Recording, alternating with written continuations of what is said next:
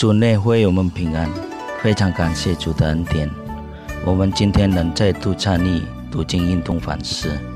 读经运动反思之前，请阅读本日读经运动的经文和请阅读本日读经运动的短诗。今天是八月六日，基督耶稣教会读经运动。今天已经到了《列王记下》第一章，盼望各位将这一章的经文全部的读完，一定要读完哦！相信当你在慢慢的将这一章的经文读完时，上帝也要赐给你其中宝贵的讯息。在我们还没有开始思想神的话语之前，我们先一起祷告，求圣灵帮助我们。感谢天父上帝，使我们此刻能有机会一起思想你的话。求圣灵帮助我们，用柔软的心领受你的话语。我们愿意谦卑的被神塑造。祷告、感谢、祈求，是奉主耶稣的名，阿门。我想各位在生活中曾经有过或者听过这样的经历：当我们搭升降梯时，有时候就会碰上这样的人，明明看见电梯里的人。已经人数达到极限了，但是他还是硬硬的往电梯里挤。这时，电梯的警铃响起，电梯的门也无法关上。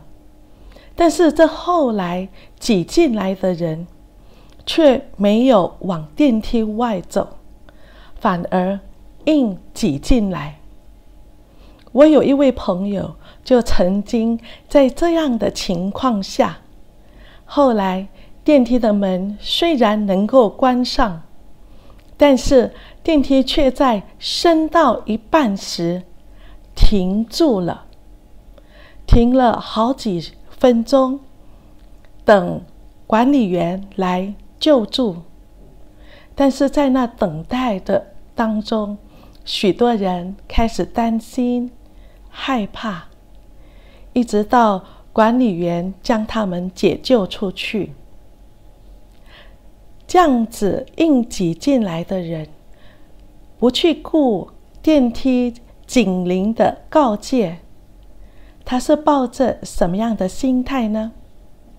今天我们要读的《列王记下》第一章，记述了以色列王亚哈谢，他在面对神一次。又一次的警告，却还是硬着心。我给大家念经文的第二到第四节。亚哈谢在撒玛利亚，一日从楼上的栏杆里掉下来，就病了。于是差遣使者说：“你们去问以格伦的神巴利西卜。”我这病能好不能好？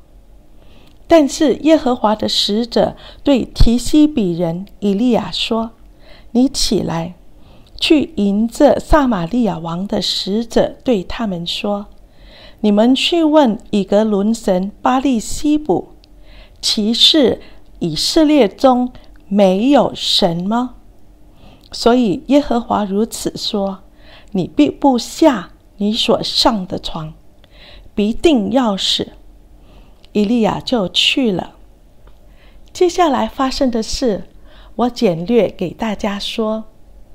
当以利亚见到王的使者，就将耶和华对亚哈谢王的审判宣告。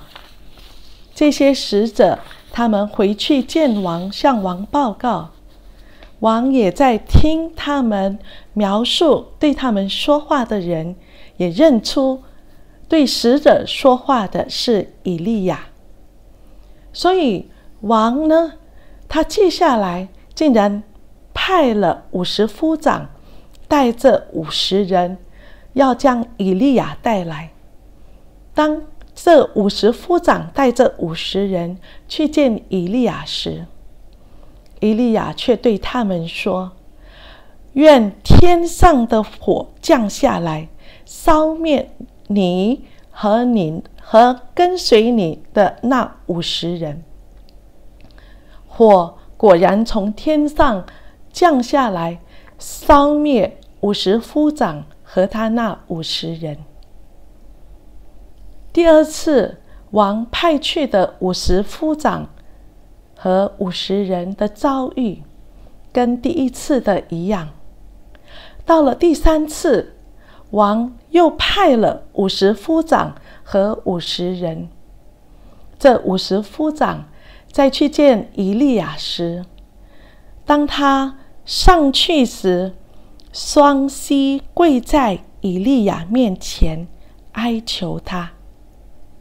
耶和华的使者这时候指示他说：“你可以跟他去见王。”于是以利亚就跟他去见亚哈谢，也在亚哈谢面前宣告神对他的审判，跟他之前说的一样。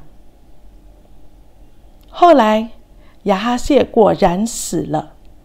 正如耶和华借以利亚所说的话，亚哈谢面对神两次神迹般的警告，但是他却没有觉悟，这是耶和华真神，他必须谦卑悔改。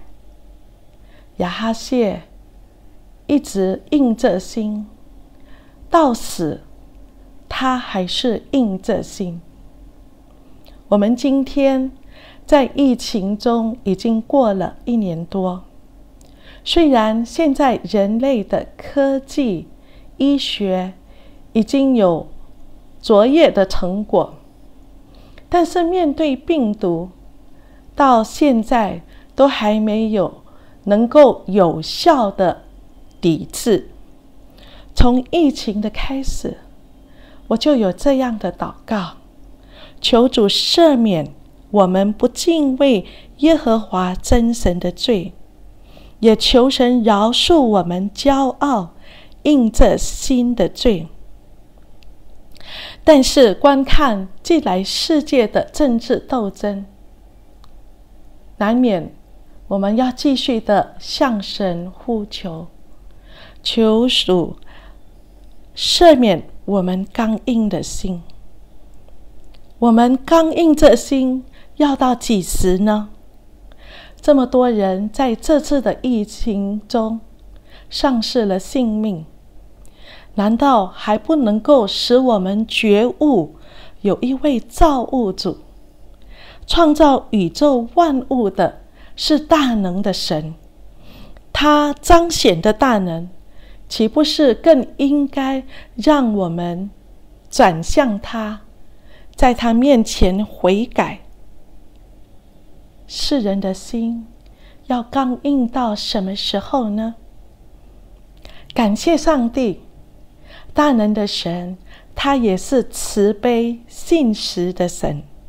就像耶利米在他写的耶利米哀歌所宣告的：“我想起这事，心里就有指望。”我们不自消灭，是出于耶和华诸般的慈爱，是因他的怜悯不自断绝，每早晨都是新的。神啊，你的诚实极其广大。这时候，我们来到神的面前，为自己、为家人、为教会。为我们的国家，为世人，向神祈求赦免。慈悲的天父上帝，我们祈求你的赦免，赦免我们刚硬的心，使我们真是看见自己的渺小、无能为力。求圣灵软化我们的心，在各样的事上认定你、信靠你，确知你是可信、诚实的神。你所说的话，一句都不落空。我们信靠你是何等的有盼望！感谢天父上帝。祷告是奉主耶稣的名。阿门。